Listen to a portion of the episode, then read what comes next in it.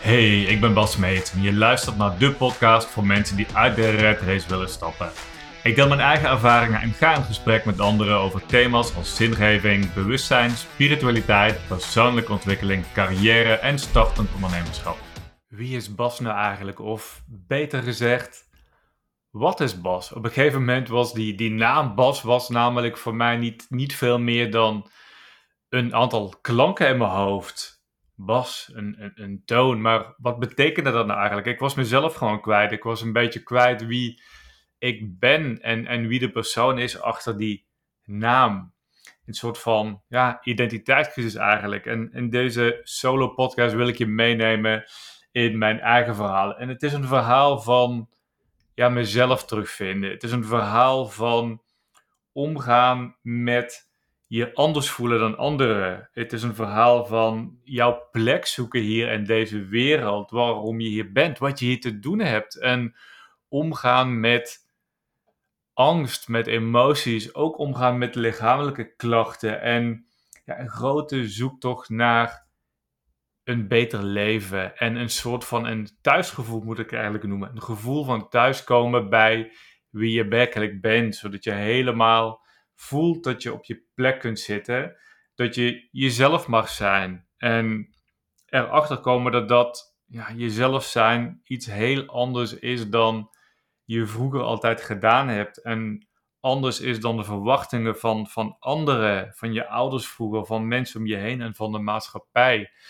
En dat ja, lijkt wel een eeuwigdurend gevecht geweest te zijn van echt jezelf leren kennen en, en gaan zijn wie je werkelijk bent. Nou, laten we bij het begin beginnen. Ehm, mijn verhaal begon op dit moment 46 jaar geleden. Geboren in Zuid-Limburg, een klein plaatsje, een landgraaf. En ik ben daar opgegroeid in een best wel beschermd gezin. En misschien herken je dat wel. Met een, een moeder die heel goed bedoelde, maar die wel heel erg overal een eigen mening over had. En dat heeft wel een stempel op me gedrukt. Um, ook al was het een hele liefdevolle moeder, ze had altijd het gevoel dat het op haar manier moest. Dat dingen op een manier moesten uh, ja, zoals zij dat voor zich zag. En, en zo werden ik en mijn broertje ook gewoon eigenlijk wel opgevoed. En als we dingen anders deden, of onze eigen vrijheid wilden, of eigen mening hadden, dan werd dat toch wel een beetje klein gehouden, want zij wist het beter. En dat heeft later in mijn leven echt wel zo'n ja, zo'n tolgeëis, moet ik zeggen. Ik heb momenten gehad dat ik gewoon niet meer wist um, of niet kon voelen van wat, wat, wat wil Bas nou? Als ik een keuze moest maken tussen twee dingen of zelfs tussen wat ik moest eten. Gek eigenlijk als ik dat zo bedenk. Dan wist ik het vaak niet omdat ik gewend was aan iemand die het graag voor mij besliste. En dat juist terwijl ik een kind was die ontzettend de behoefte had aan vrijheid, aan zichzelf mogen uiten, aan zijn eigen pad kiezen. En daar was ik mij toen natuurlijk niet van bewust. Hè. Dit zijn dingen die ik pas later, um, ja, echt, uh, waar ik me van bewust geworden ben. Maar om je dat plaatje een beetje te schetsen, opgegroeid in een veilige, ja, best wel gecontroleerde omgeving en een klein plaatsje in, in, in Zuid-Limburg. En ik kreeg heel snel het gevoel van, ja, ik moet hier weg. Um, mijn vader, die was, hoe moet ik het zeggen, emotioneel ook niet echt aanwezig in die tijd. Ik, ik, heb het gevoel dat ik best wel opgevoed ben door mijn moeder. En mijn vader, die was er natuurlijk wel. En die zag ook wel wat er gebeurde. Maar ik denk dat hij zelf ook niet wist hoe hij daar om, mee om moest gaan. Hè, met die, die, die druk of die, die controle van vooral mijn, mijn moeder. En mijn moeder, hè, niks negatiefs verder over haar. Ze bedoelde het hartstikke goed. Het was een heel lief mens. Zij wist ook niet anders. dus als ik dit zo deel op deze manier, bedoel ik niet dat ik er niets kwalijk neem. Maar meer van ja, een bewustzijn wat er met mij gebeurd is en waarom ik geworden ben zoals ik ben en waarom ik een bepaald pad ben eh, gaan bewandelen. Ja. Maar ik had dus op een gegeven moment, dat ging richting de puberteit al, toen werd ik me bewust van ja, bepaalde gevoelens van boosheid, van frustratie in mezelf. En dat had alles met te maken met willen vrijkomen, vrijbreken, loskomen van die thuissituatie om mijn eigen pad in te gaan.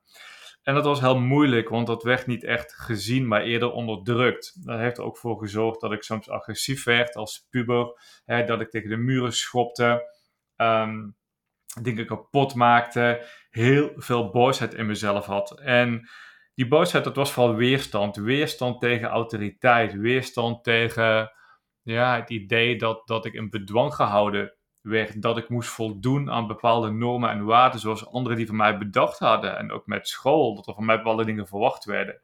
Ik was heel intelligent, kon gemakkelijk leren, maar ik deed het niet omdat ik juist graag in die weerstand zat. En die, ook die weerstand werd weer hè, van mij, of die drang naar vrijheid, werd weer best onderdrukt. Ik heb best wel uh, kleine vechtpartijtjes met mijn, met mijn moeder gehad. En achteraf denk ik van ja, hoe was het dan mogelijk? En ik schaam me ook voor ehm, ja, hoe ik soms naar mijn, mijn, mijn moeder geweest ben. Maar ja, als ik nu zo terugkijk, en dan word ik daar best emotioneel van. Mij is in die tijd nooit gevraagd van wat ik nou eigenlijk wil. Ja. Ik begon in mijn, uh, op de middelbare school, begon met HAVO-VWO. En uh, ik kon goed genoeg leren om naar het VWO te gaan, ik ging naar 2 HAVO. En ja, ging daar heel erg in die, in die weerstand zitten. Ik ging spuibelen, ik ging niet naar school. Um, ik weet niet eens precies waarom, maar ik voelde gewoon, ik wil niet. Ik wil niet doen wat, wat, wat anderen van mij verwachten. Dus uiteindelijk mocht ik niet door naar die HAVO. Ik ben naar drie MAVO gegaan. En daar ging het een beetje op dezelfde manier door, maar daar hoefde ik gelukkig bijna niet te leren. En ondanks heel veel waarschuwingen van school dat ik uh, hè, geen eindexamen mocht doen, heb ik het uh, toch gedaan en die, die, die MAVO dan afgerond. Iets waar ik natuurlijk helemaal niet trots op was, uh, want ik kon veel beter. Maar het was gewoon mijn manier van um, ja, lekker uh, weerstand bieden tegen de autoriteit, tegen de verwachtingen van, van anderen van mij, hè, van, van, van ouders en van de maatschappij. Uiteindelijk ben ik via de MEAO naar de HEAO toegegaan en ik heb er toen bewust voor gekozen om te vertrekken uit Zuid-Limburg. Ik ben naar Haarlem vertrokken. Ik heb in Haarlem had ik een hele leuke studie gevonden. Dat heette European Business Management. Dat was een Engelstalige, opleiding, Engelstalige opleiding. Waar je ook al heel snel naar het buitenland kon gaan. In de tweede en derde jaar kon je dan in het buitenland gaan studeren. Ja, en die vrijheid die lonkte natuurlijk wel. Dus ik naar Haarlem toe. En daar had ik het ook niet gemakkelijk. Ik kwam voor het eerst echt los van de thuisfront als 19-jarige. En ja, moest mijn eigen weg zien te vinden in een nieuwe stad. En dat was best heftig um, voor iemand die, die uit zo'n best wel gecontroleerde situatie kwam. Ik, ik, ik, weet wel dat anderen het daar veel makkelijker mee hadden. Dat uh, van thuis weg en, en, gaan studeren in een andere stad wonen. Maar ik heb het echt moeilijk gehad. Ik was een best wel verlegen jongen. Ik kwam daar met een eh, heel, heel erg Limburgs accent in, in Haarlem aan. Eh, daar werden we natuurlijk wat, wat grappen over gemaakt. Ik weet nog dat ik een, uh, uh, was dat introductieweek had bij de studentenvereniging, wat gewoon echt niks van mij was. Maar ik probeerde maar weer mee te doen in, in dat riedeltje wat van mij verwacht werd, want zo had ik dat geleerd. En uiteindelijk ben ik daar gelukkig niet meer doorgegaan met die hele studentenvereniging, want het was gewoon niet mijn ding. Maar toen had ik al vaak zoiets van, ja, waarom voel ik me toch altijd anders? Waarom kan ik niet gewoon mee in, in, in, in dat patroon van anderen? Kan ik niet gewoon meedoen? Ik voelde me sociaal altijd een beetje awkward. Ik was een beetje onzeker over mezelf. op school vroeger wel eens gepest met mijn rode haar. En uh, ja, kon nooit een, had nooit een weerwoord klaar. Ik heb ook nooit geleerd eigenlijk om weerstand te bieden, om voor mezelf op te komen um, tegen dat soort dingen. Maar goed, ja, tijdens de studententijd, het eerste jaar in Haarlem, um, ja, ook heel erg zoeken naar mijn, uh, naar mijn plek. En ik begon in die tijd uh, op een gegeven moment lichamelijke klachten te krijgen. Ik had pijn in mijn borst vooral. En ik wist gewoon niet wat er met mij aan de hand was. Nou, in het tweede jaar van mijn studie had ik de, kans om naar Duitsland te gaan. Zo'n uh, zo'n exchange program, zo'n uitwisselingsprogramma. heb dat gedaan. En aan de ene kant voelde ik mij heel erg vrij en trots dat ik los was van dat thuisfront en eindelijk een beetje mijn eigen ding kon doen. Aan de andere kant voelde ik mij heel erg verloren en toch wel eenzaam uh, in die tijd. Om, ja, ik, ik, omdat ik gewoon niet zo goed aansluiting kon vinden bij, bij anderen. Het was altijd alsof ik een klein beetje buiten de groep stond, uh, een beetje mijn eigen wereld leefde. En tegelijkertijd kreeg ik steeds meer los van mijn lichaam. Spanningen, hebben die druk op mijn borst, overal pijntjes hier en daar. En dat is ook de tijd dat ik wel eens naar artsen gegaan ben en ben gaan onderzoeken van is er nou met mijn lijf aan de hand? En er was natuurlijk nooit iets aan de hand. Maar ik was op dat moment nog helemaal niet bewust van wat psychische klachten zijn of wat onverwerkt trauma uit het verleden kan, kan doen met je en met je lichaam. Zover was ik nog helemaal niet in die tijd. Ehm, het was ook een tijd dat ik uh, ja, mijn eerste vriendinnetjes kreeg. Daarvoor al een beetje, maar de eerste echte connecties kreeg met vrouwen. En de manier waarop ik geleerd had, en vooral van mijn moeder, want ja, eerlijk gezegd, van mijn vader heb ik dit, heb ik dit nooit meegekregen, maar van mijn moeder heb ik altijd geleerd van je moet heel lief zijn en aardig zijn tegen, tegen meisjes. En ja, bijna van je moet alles doen wat ze, wat ze zeggen, hè, om, ze, om ze maar tevreden te houden. Nou, een verschrikkelijk advies natuurlijk, maar ja, wist ik veel. Dus in die tijd dacht ik van, oh, ik heb een vriendinnetje, ik moet daar heel lief voor zijn, heel zacht aardig. was een echte lieve, zachtaardige jongen. En nou, je kunt raden wat er gebeurde. Complete afwijzing natuurlijk. Want ja, ik was gewoon geen man. En dat, dat zie ik nu. En ja, dat betekende verlaten worden. Verlaten worden door, uh, door vriendinnen. En uh, ik heb er heel veel verdriet van gehad. Ik kwam er ook achter dat ik een hele gevoelige, uh, ja, best wel gevoelig persoon ben. Eh, dat ik heel heftig reageer op dingen. En ja, een moeilijke tijd. Van, van wat, wat is er nou met mij aan de hand? Was dat de hele tijd in mijn hoofd? Wat, wat is dit? Wat doe ik fout? Ik ben toch heel lief, ik ben toch aardig. En ik wil er gewoon zo graag bij horen. En nu later weet ik natuurlijk gewoon dat dit een uh, ja, enorme drang naar gezien worden is. Ik wil de bevestiging hebben. Ik wil gezien worden voor wie ik ben. Ik zocht overal bevestiging buiten mijzelf. Want dat heb ik vroeger ook nooit echt gekregen van thuis uit. De, de bevestiging dat ik oké ben zoals ik ben. Dus ik zocht dat overal buiten mijzelf. Daarna ben ik uh, verder gaan studeren, ook in het buitenland. Ik heb een jaar in Finland gewoond. Ik ben daarna um, via stages in, uh, Nederland, even bij Philips, uiteindelijk in München terechtgekomen in Zuid-Duitsland. Um, mooie stad, maar ook daar voelde ik gewoon mijn lichaam dat altijd als ik iets leuks wilde doen of uh, succesvol wilde zijn en iets, noem maar iets wilde bereiken, iets voor elkaar wilde krijgen, dat mijn lichaam op de rem trapte. Ik voelde me heel erg angstig. Ik heb dan momenten gehad um, Um, bijvoorbeeld op weg naar mijn werk. En ik werkte toen bij, uh, bij een, um, een, afdeling van Siemens. Hele goede baan. Um, dat ik gewoon in de metro naar mijn werk enorme paniekaanvallen begon te krijgen. Dat ik in die metro stond en op een gegeven moment gewoon voelde... Ik moet hier weg, ik val hier om, ik, ik, ik, ga, ik ga dood. En dan rende ik die metro uit, zo snel mogelijk de trap op, de roltrap op naar de oppervlakte. En ja, moest daar gewoon even bij komen. Maar ja, wat was er met mij aan de hand? Ik wist het gewoon niet.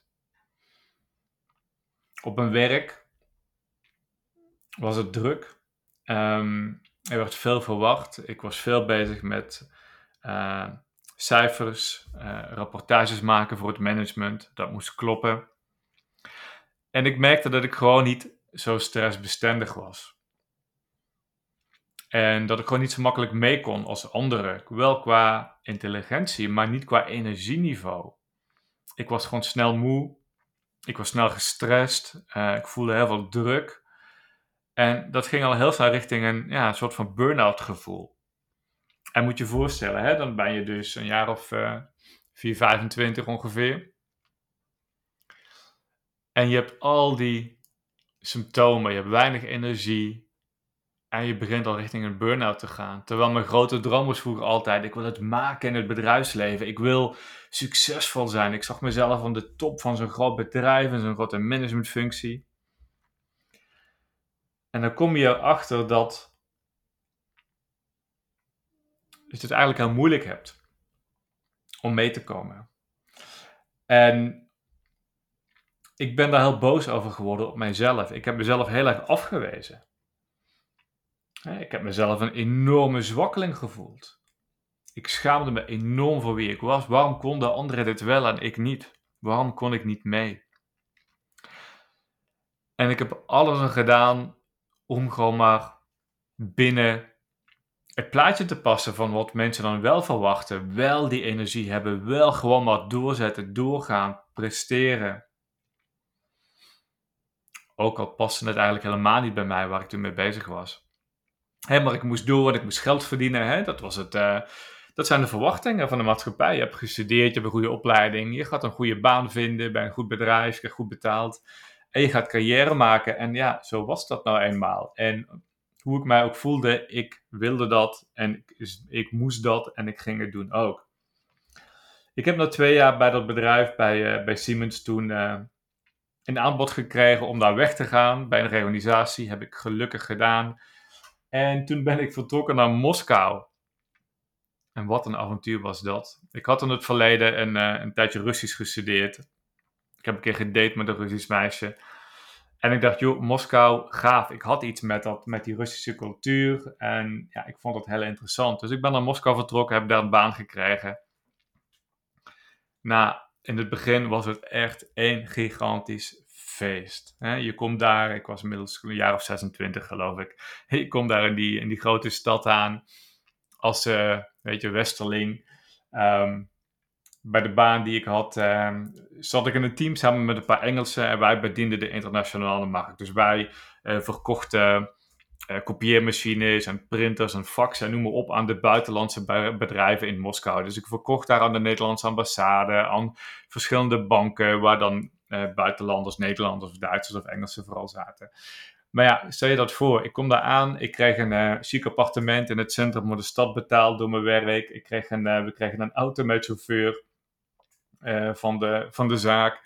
Ehm, je hebt daar als Westerling, nou heb je het heel goed, dus we gingen feesten als een gek, elke dag op stap.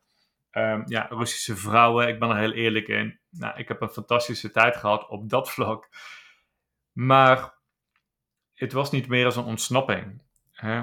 Ga even maar leuke dingen doen en dan, dan hoef je niet naar binnen te kijken en te, en, en te gaan kijken naar, naar jezelf, wat er eigenlijk allemaal onder zit en waar die klachten allemaal vandaan komen en, en waarom je niet, hè, je, niet gelukkig was. Het was gewoon een soort van dekmantel. Nou, ik heb zoveel mooie verhalen over die tijd. Weet je, het bedrijf zelf waar ik uh, werkte, het was een enorme dictatuur met één, uh, één grote baas uh, van dat Russische bedrijf, um, die ook iedereen in de gaten hield. We hadden allemaal zelfs een webcam op onze monitor. Dus daar kon de grote baas gewoon vanuit zijn eigen controlroom op de bovenste verdieping van het pand, kon hij iedereen bekijken wat hij aan het doen was. Ook al onze gesprekken werden opgenomen. Uh, we hadden dan regels dat je uh, in de verkoop moesten wij minimaal drie afspraken per dag met klanten hebben. En als je dat niet haalde, werd er gewoon geld voor je salaris afgetrokken. Kreeg je een boete. Al dat soort gekke dingen. Um, Weet je, ik kan zoveel mooie verhalen ook vertellen, gekke verhalen over die tijd. Over een, over een baas die aan de, aan de cocaïne zat, s ochtends vroeg al. Tot en met de verhalen van mijn uh, chauffeur, eh, die allemaal vertelde over zijn geheime relaties met, met, een, met een jonge meisje. Tot en met taxis waar opeens de, de remmen van kapot gingen. En we, al die bijna aanrijdingen die we gehad hebben. De gekke feesten. Kijk, het is een mooie tijd geweest maar het was voor mij een, ja, een soort van dekmantel. Een soort van afleiding. Om niet echt bij mezelf um, te blijven. Um, na minder dan een jaar ben ik daar weer weggegaan. Omdat de baan was gewoon niet vol te houden. Het bedrijf was gewoon een totale chaos. En uh, ik ben terug naar Nederland gegaan. Heb daar een, uh, een andere baan gevonden bij een bedrijf dat... Uh, een Aziatisch bedrijf dat IT-componenten en apparatuur maakte. En um, daar ben ik aan de slag gegaan als, als verkoper. En ik kon voor dat bedrijf de hele Oost-Europese en Russische markt verder ontwikkelen. Nou, dat leek me wel wat, omdat ik daar natuurlijk ervaringen begon te krijgen. Ben daar ingestapt. Maar ook lang verhaal kort, ook daar merkte ik al heel snel: dit is niet voor mij. Maar ja, wat doe je dan? Je hebt een bepaalde opleiding. Je hebt een bepaalde richting waar je werkervaring in begint te krijgen. Je moet geld verdienen. Ja, wat kies je? Je moet toch meedoen. Dus weer dat, dat gewoon mij zelf proberen aanpassen aan de verwachtingen van de maatschappij. Die goede baan vinden, daar promotie maken. Ik deed het goed. Op een gegeven moment krijg je ook een auto, kun je lekker rondreizen. Ik ben in die hele carrière ook vaker moeten reizen. Um, heel Europa door, vaker naar, naar China en Taiwan ook later. Maar ergens wist ik al heel lang in mijzelf van, nee Bas, dit is niet jouw pad. Maar wat dan wel? En toen kwamen de paniekaanvallen weer. Op de gekste plekken, jongens. Ik weet nog op het vliegveld van Shanghai dat ik daar aankwam, dat ik helemaal in paniek raakte. En waarom? Ik had geen idee. Of in een huurauto in Stockholm of in, eh, bij een afspraak in een bar in het noorden van Rusland met potentiële klanten, dat mijn lichaam helemaal op hol sloeg. Dat ik een enorme paniekaanval kreeg. Dat ik dacht: ik moet hier weg, ik ga dood. Ik heb nu hulp nodig. Uh, ik moet naar een dokter. Al dat soort gedachten. En ik word er ook echt verdrietig van als ik terugkijk naar mezelf. Ik heb zo'n ja, medelijden weet ik niet. Maar ik leef zo mee met die Bas van toen. En ik kan mij er nu ook niet meer mee identificeren, want ik ben nu zo'n ander mens geworden. Het lijkt wel een, een ander leven waar ik nu in zit. Maar ja, in die tijd, ik moest mee. Geld verdienen. Meedoen met de red race, carrière maken moet thuiskomen s'avonds. Steeds minder zin in mijn sociale leven om met vrienden leuke dingen te gaan doen. Terwijl ik er juist een, altijd een, best wel een type ben geweest die uitging en die leuke dingen deed. En dat ging zo door, hè, tot het op een gegeven moment dat ik weer uh, een keer uh, thuis onder de douche stond en een enorme paniekaanval kreeg. En ik, ik, ik geen lucht kreeg. Mijn hele borstkrampte samen. En ik ben toen naar de eerste hulp gegaan van het ziekenhuis. Mijn toenmalige vriendin, ze was bij me. En ik dacht echt dat ik dood ging, dat ik, uh, dat ik iets aan mijn hart had. En dat, ook dat bleek natuurlijk weer een paniekaanval te zijn. Maar op dat moment weet ik wel dat ik toen terugliep vanuit het, het ziekenhuis in Den Bosch, waar ik inmiddels woonde. En tegen mezelf zei: Nee, dit gaat gewoon niet langer. Dit, dit kan zo niet. Ik, ik moet het anders doen. Dit is niet hoe ik het wil. En ik had absoluut geen idee hoe of wat, hè. Maar ik had wel het gevoel, het gaat nu veranderen. En op dat moment heb ik echt een commitment gemaakt, een beslissing gemaakt voor mijzelf. Van, nu gaat het roer om. En dat is het moment geweest dat ik hulp ben gaan zoeken dat ik uh, bij psychologen terechtgekomen ben die eigenlijk niks voor me konden doen. Um, omdat ik zelf veel te, ja, te veel inzicht had in mijn eigen patronen al. Ik, ik weet het niet. Ik, ik, ik, had ook veel boeken gelezen al op dat moment over, over zelfontwikkeling en over angsten natuurlijk. En ja, ik haalde niks uit die psychologische sessies. Coaching gedaan, haalde hier en daar er wel wat uit. Maar op het moment dat dingen echt begonnen te veranderen, was het moment dat ik een, uh, een NLP-opleiding deed. Dat was bij Joost, Joost van der Leij in Amsterdam. En toen dacht ik van wauw. Ik leerde vooral om me bewust te worden van mijn onbewuste, van mijn onbewuste blokkades, mijn oude patronen, mijn negatieve conditionering die ik meegekregen had van mijn, van mijn ouders, van, van de samenleving, van school, van mijn, van mijn werk. Ik leerde daarvan los te komen. Ik leerde meer te ontspannen. Ik leerde mijn emoties te accepteren en te controleren. En toen dacht ik van wauw, dit is toch veel gaver dan het werk wat ik doe. Een beetje op dat kantoor zitten en die producten verkopen. Het boeide me ook eigenlijk helemaal niks meer, het werk wat ik deed. Ik wilde iets met mensen en ik was geobsedeerd door de werking van het brein opeens. En, en hoe wij mensen ons allemaal anders voelen. Waarom voelt de, voelt de een zich perfect en zit goed in zijn vel en, en de ander voelt zich kloten. En is heel erg zoekende en kan niet verklaren waarom. Wat, wat is het verschil? En ik ging leren, heel veel. Deed meerdere NLP-opleidingen. Coachingsopleiding. Las ontzettend veel en ging vooral bij mezelf op onderzoek. En wie ben ik nou eigenlijk? En vaak is dat zo, hè? op het moment dat er een hele grote trigger is in je leven. Dat je dan pas klaar bent om de realiteit aan te kijken en je niet meer te verstoppen achter een verhaal. En bij mij was dat dat bezoekje aan de eerste hulp, denk ik. Dat ik dacht van nee, dit kan niet meer. Ik ga het anders doen. En zo kwam ik ook op dat hele spirituele pad. Ik mediteerde af en toe wel eens, maar niet consistent. Maar ging nu veel meer leren. Ik ging naar meditatiecursussen. Ik merkte wat het met me deed. Ik begon allemaal boeken te lezen over spiritualiteit en manifestatie en energie. En het begin was het nog allemaal een beetje vaag en geloofde ik er ook niet echt in. Maar langzaam kon ik er ook niet meer omheen. Het voelde zo waar. Ik las heel veel filosofische boeken over het ontstaan van het universum, het ontstaan van de mensheid, de ontwikkeling van ons menselijk brein. Hoe ons brein werkt, hoe de emoties invloed hebben op de werkelijkheid die we creëren. Noem maar op. En ik begon opeens een beeld te krijgen van hoe deze wereld werkt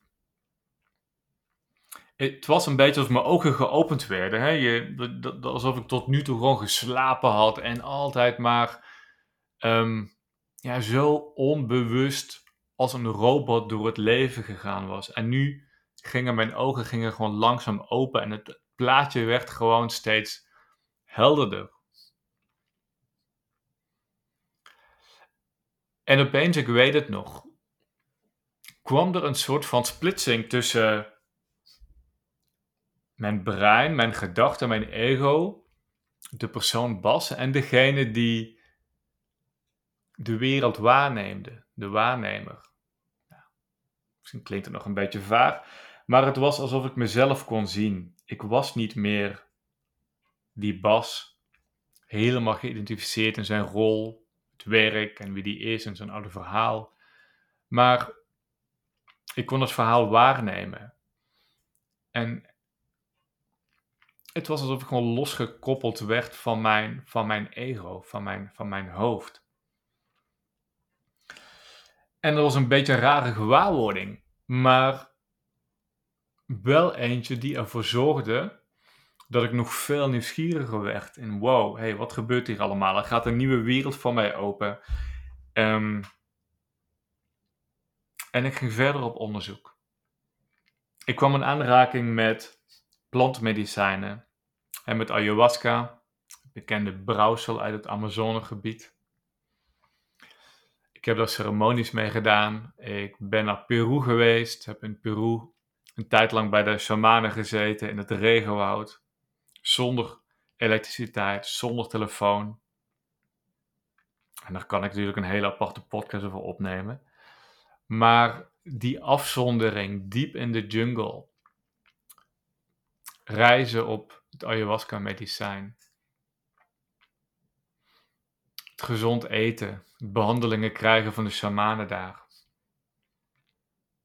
De inzichten kwamen achter elkaar naar binnen over het doel van mijn leven, over mijn eigen grootsheid. En dat klinkt misschien nou weer raar of zo, maar ik voelde opeens zo'n enorme kracht in mijzelf. die niet paste bij die Bas, die kleine Bas zou ik bijna zeggen, die tot dat moment geleefd heeft. Die Bas die zich overal probeerde aan te passen, die zocht naar bevestiging, naar aandacht, die zichzelf heel klein vond, vaak minder waardig, die opkeek naar anderen. Er kwam zo'n kracht in mij los. En een gevoel van een missie die ik heb. Een gevoel van, ik heb hier iets te doen. Ik heb de wereld iets te vertellen. En ik voelde hè, dat ik wilde delen over mijn eigen pad, mijn eigen struggles. Vooral het pad van zo lang vastzitten in een verkeerde carrière en daar niet uit durven komen. Maar die carrière die hing ook vast aan mijn eigen identiteit van de persoon die ik ben natuurlijk weer. En ik voelde dat er zoveel mensen daarmee struggelden en ik daar iets mee moest. Ik voelde, ik heb een boodschap te delen. En ik kwam terug uit Peru en ik heb later nog wel meerdere sessies met ayahuasca, ook met andere plantmedicijnen gedaan. Eh, ook met uh, psilocybine, paddo's, hebben ook heel veel gelezen hierover, heel veel onderzoeken gelezen, ben naar bijeenkomsten geweest, wetenschappelijke bijeenkomsten uh, over het gebruik van plantmedicijnen en psychedelica. Kwam erachter dat dit zo'n krachtige tools zijn, die zo'n verkeerd imago hebben. En dat ze steeds meer succesvol ingezet worden voor heling, voor psychotherapie, om mensen te verlossen van depressies, van uh, verslavingen, om mensen een bewustzijn te geven, een nieuwe kijk op de wereld, om ze te laten zien dat ze onderdeel zijn van iets veel groters en dat er iets veel groters in ons zit dan we tot nu toe wisten. Mijn begrip van de wereld werd steeds groter. En ik begon steeds meer mijn eigen pad te vinden. En dat is natuurlijk ook het moment geweest dat ik helemaal durfde kiezen voor mij zelf. Mijn oude baan kon loslaten waar ik niet meer in paste. En mijn eigen coachingpraktijk serieus neer kon gaan zetten. En op dat moment hè, was ik, sinds ik die, die NLP-opleiding gedaan had, was ik al even bezig met mijn eigen coachingpraktijk. Maar dat had ik gewoon ja, als hobby ernaast gedaan. Ik had simpelweg zelf een websiteje gemaakt, Basmates Coaching. Ehm, ik ging wat adverteren op Google, er kwamen af en toe eens wat klanten. Maar ik verdiende er veel te weinig mee. Uh, ik vond de klanten ook eigenlijk niet leuk die ik had. En ja, ik deed maar een beetje naast mijn werk. En ik was vooral gefrustreerd ook dat, dat het allemaal moeizaam ging. Maar ik had gewoon geen idee van ondernemen. En dacht nog altijd wel van, joh, dat moet ik zelf toch wel kunnen en zo. Een bedrijfje opzetten. Maar dat bleek allemaal toch wel lastiger dan ik, dan ik dacht. Maar anyway, nu had ik het gevoel van, nee, ik, ik moet mijn ding gaan doen. Mijn boodschap moet de wereld in. En tuurlijk had ik nog steeds die gedachte, en dat heb ik nu ook nog steeds, hè, van wie ben ik? Wie ben ik om iets te gaan verkondigen? Wie ben ik om mensen iets te gaan vertellen van hoe het zit of wat ze zouden moeten doen? Wie ben ik? Ik ben maar klein, maar toch voelde ik die kracht in mijzelf. Ben toen mijn coachingpraktijk goed gaan neerzetten, mijn baan opgezegd. En ik heb ook maanden gehad dat ik de eindjes aan elkaar moest knopen. Dat er aan het einde van de maand niet genoeg geld op de rekening stond om mijn hypotheek te betalen. Dat ik dacht van, hoe kom ik nu aan geld? Maar het is me altijd gelukt. En van, van die tijd heb ik wel geleerd van, er is altijd een oplossing. En als je het echt wilt, dan kun je zoveel meer dan je denkt. Elke keer dat ik dacht van, nu heb ik het even moeilijk, eh, kwam er een oplossing omdat ik wel moest. En nu achteraf denk ik nog vaak van, joh, had ik maar veel eerder mijn baan opgezegd, was ik dit maar veel eerder gaan doen. Maar goed, dat wist ik toen natuurlijk niet. Hè. Ik ging een team om me heen opbouwen. Ik ging in plaats van één op één coaching in groepen werken.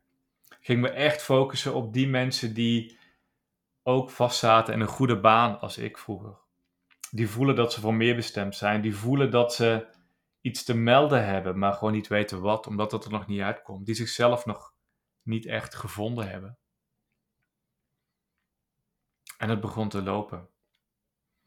Mijn team werd groter. Mijn aanbod werd professioneler. Ik deed ook zelf veel onderzoeken om echt mijn doelgroep goed te leren kennen. En ik voelde, ja, dit is het. Dit is wat ik wil. Iets groots in de wereld zetten. En natuurlijk achter in mijn hoofd nog steeds dat stemmetje, ja, maar kun je dat wel? Wie ben jij om dat te doen? Er zijn zoveel anderen die dat beter kunnen dan jij. Jij bent hier niet voor opgeleid. Al dat soort dingen. Maar inmiddels had ik genoeg opleidingen op zak, genoeg kennis en genoeg praktijkervaring in het helpen van mensen één op één. En dat is toen het begin geweest van Maak jouw impact, mijn bedrijf. Met een hele grote missie. Een missie om een betere wereld te creëren waarin mensen hun eigen potentieel durven te gaan realiseren. Ja, en het pad kiezen waar ze voor bestemd zijn en dat durven te gaan doen. En de insteek was altijd wel werk, want werk is zo'n groot onderdeel van ons leven natuurlijk. En er zijn zoveel mensen die, die in een baan niet op de juiste plek zitten. Maar het gaat altijd veel dieper dan dat. Onder het werk zit een persoon die het werk doet en dat is de persoon die je werkelijk bent. En heel snel leerde ik al dat om op de juiste plek terecht te komen, om op die plek te komen waar jij het werk mag doen, wat bij jou hoort, om jouw missie te leven, om jouw bijdrage te leveren, dien je dus eerst heel goed te weten wie je zelf bent. En de meeste mensen zijn zichzelf volledig kwijtgeraakt. We hebben een verhaal. We zeggen: Ik ben sales manager, ik ben leraar, ik ben projectmanager, ik ben dit, ik ben broer, ik ben zus, ik ben man, vrouw. Ik ben zus en zo. Ik ben groot, ik ben sterk of niet. We hebben een verhaal, we hebben een conditionering. Een verhaal dat niet klopt, want je hebt het meegekregen van je ouders, van de maatschappij. En je bent het gaan geloven zo lang. Maar wat als je dat verhaal zou kunnen loslaten? En dus helemaal terug zou gaan naar de kern van wie je werkelijk bent. Wie ben ik zonder mijn opleiding? Wie ben ik zonder mijn werkverleden? Wie ben ik zonder mijn sociale relaties, vrienden, hobby's, opvoeding? Wat blijft er over? Wie ben ik echt? En daar heb je moed voor nodig om dat pad in te slaan.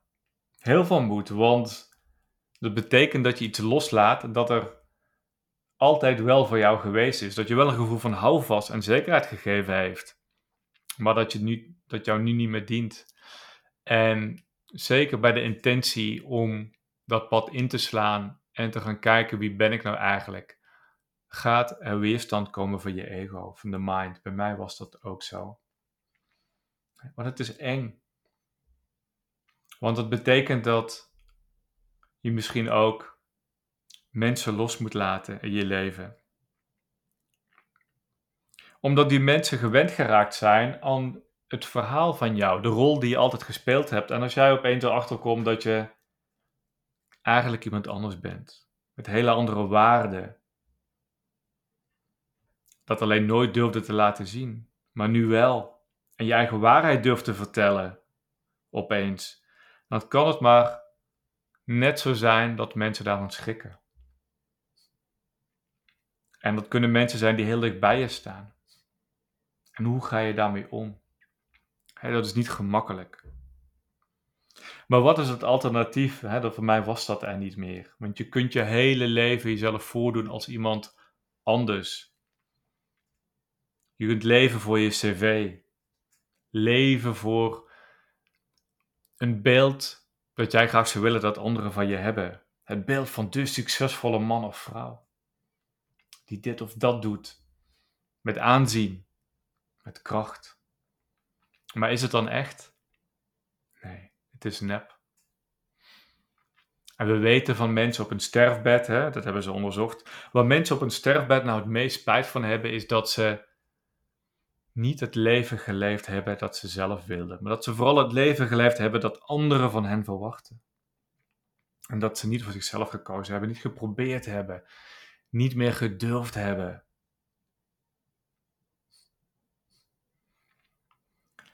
En bij mij, en nog steeds, hè, die zoektocht die gaat volgens mij altijd wel door. Want je komt steeds bij een diepere laag van jezelf terecht. En ook al heb ik zoveel gedaan, nog steeds voel ik af en toe die innerlijke weerstand. Hè? Dat lijf dat signalen afgeeft van oeh, dit is eng. Waar je nu naartoe gaat, Bas, waar die diepere laag die je nu aan het onderzoeken bent. Wauw. Spannend. Zou je dit wel doen? Alsof het bang is wat er aan de andere kant te vinden is. Maar het verschil met vroeger is dat, dat ik veel meer oké ben met al die spanning, die eventuele angsten of die sensaties in mijn lijf, de emoties. En dat ze er mogen zijn. En dat er capaciteit is om het leven te ervaren zoals het is. Je hebt mensen die gaan helemaal mee op de emotie en de flow. Ze kunnen zich heel succesvol voelen. En dan voelen ze zich fantastisch. En daarna voelen ze zich weer verschrikkelijk omdat alles misgaat. En dan gaan ze heel erg mee in die, in die emotie. Maar het is nu veel meer voor mij dat het allemaal oké is. Dat het veel meer, dat ik me veel meer stabiel voel. dat alle emoties er mogen zijn en dat ik me er meer los van kan zien. Dat ik ze meer kan ervaren als een deel in mij, iets in mij. Maar dat ik er niet van overstuur raak. En dat helpt natuurlijk enorm als je nieuwe dingen gaat initiëren. Hè? Als ik een nieuw bedrijf in de wereld zet of een nieuw product maak en en dingen niet in één keer goed gaan. Het gevoel van, hé, hey, het is oké. Makkelijker om kunnen gaan met die ups en downs. En dat zorgt voor rust, dat zorgt voor balans in mijzelf. En als ik dan terugkijk op die hele periode tot waar ik nu sta, mijn 46ste, woon hier in uh, net boven Rotterdam, sinds een maand of drie. Samen met Jurien, mijn vriendin, en om de week haar dochtertje Romee. En ik voel me gelukkig, ik voel me blij. Maar ik ben ook benieuwd, voel ook spanning voor wat er nog allemaal gaat komen. Maar als ik dan zo terugkijk, ben ik wel verdomde trots op wat ik allemaal gedaan heb. En dan zie ik dat er zoveel verschillende versies van, van Bas geweest zijn. En als je dan vraagt, wie is Bas? Ja, het ligt eraan wanneer je het vraagt. Er is niet een definitie meer van. Waar je vroeger, hè, vaak heb je een definitie van jezelf. Nou, ik ben dit en dit en dit. En vaak vertel je dan het werk dat je doet, waar je woont, hoe oud je bent, waar je voor staat. Maar het is nu veel meer van, joh, ik, ik ben gewoon. Ik leef in het nu en ben een heel ander iets of iemand dan vroeger. Er zijn veel versies van mij geweest. En het houvast aan een bepaalde identiteit is gewoon veel minder nodig. Misschien is het iets wat even moet landen, maar ik voel dus echt dat um, ik veel minder uh, ja, die, die basis nodig heb. Dat, dat houvast in mijzelf van wie ik ben. Ik kan het veel meer loslaten. En als ik dat kan loslaten, dat betekent dat ik veel meer kan meebewegen. Um, en veel sneller kan schakelen ook. Als ik dus nieuwe ideeën heb over wat ik wil doen. Of dat nou werkvlak is of persoonlijk vlak. Waar ik vroeger gedacht zou hebben, oh past dat wel bij mij? En meestal ging het dan over, over angst. Hè? kan ik dat wel als, als Bas, als een persoon van Bas, met mijn bepaalde hè, kennis en, en conditionering die ik meeneem. Is het nu veel meer van, oh, ik ga het wel zien, ik ga het gewoon doen. En het komt wel goed, ik red me wel. Het is een soort van innerlijke vrijheid die, ja, je losmaakt van hoe moet ik het omschrijven, losmaakt van, van de wetten van de samenleving of zo. En het voelt alsof je vrij kunt bewegen door het leven.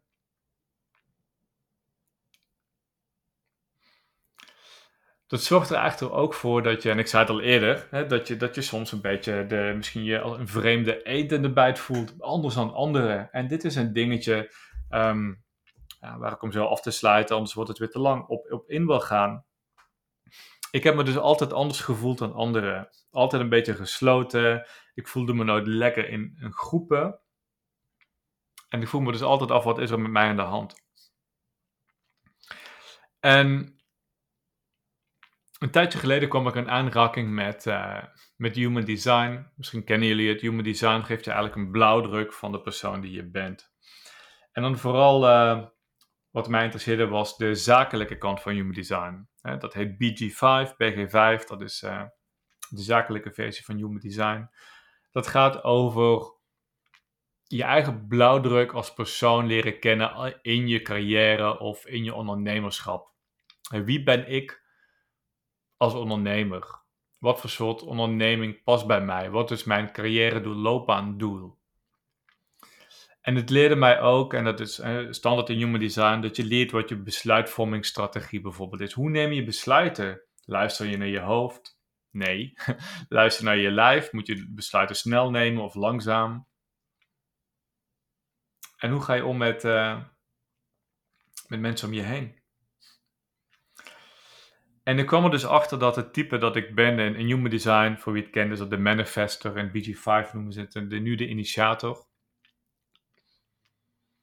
En ik ben iemand die een vrij gesloten aura heeft. Dat betekent dat ik bij vrij op mijn eilandje leef. En dat ik altijd wel het gevoel heb dat ik een beetje afstand voel naar anderen en dat anderen wat afstand naar mij voelen. En dit is precies wat ik altijd ervaren heb in mijn leven. En het betekent voor mij ook dat ik eindelijk begreep waarom ik zo'n drive heb. ik ben gemaakt om dingen te initiëren, dingen in de gang te zetten. En het leerde me ook waarom ik weinig energie heb soms, waarom ik snel moe ben. Dat mijn type gewoon niet heel veel energie heeft. Ik ben niet gemaakt om heel hard te werken. Ik ben gemaakt om te initiëren, om plannen uit te denken en het dan door anderen vooral te laten uitvoeren, door dingen de wereld in te brengen, door ideeën te creëren. Maar niet om het allemaal zelf te doen, het werk uit te voeren. Het gaf mij zoveel inzicht. Het gaf mij inzicht in mijn besluitvormingsproces. Dat ik niet te snel beslissingen moet nemen. Dat ik gewoon even moet afwachten, dingen lang moet overdenken voordat ik een keuze maak. En ook dat ik mensen moet informeren over wat ik doe. Dat ze zich anders overrompeld kunnen voelen. Of dat ze zich een beetje ongemakkelijk kunnen voelen in mijn aanwezigheid. En dat is die kracht die ik diep van binnen voel. De kracht om dingen te veranderen. De kracht om impact te maken. En nu ik dat zo weet, ik ben er heel sceptisch over geweest. Dat was met alles in het begin. Maar het voelt zo kloppend is er veel meer gevoel van zelfacceptatie. Dit is wie ik ben. En hoe meer ik in lijn leef naar wie ik ben en mijn eigen design, wauw. De gekste dingen gebeuren, de mooiste dingen komen op mijn pad. De, de beste ideeën komen in mijn hoofd naar boven en ik ga mij aan de slag.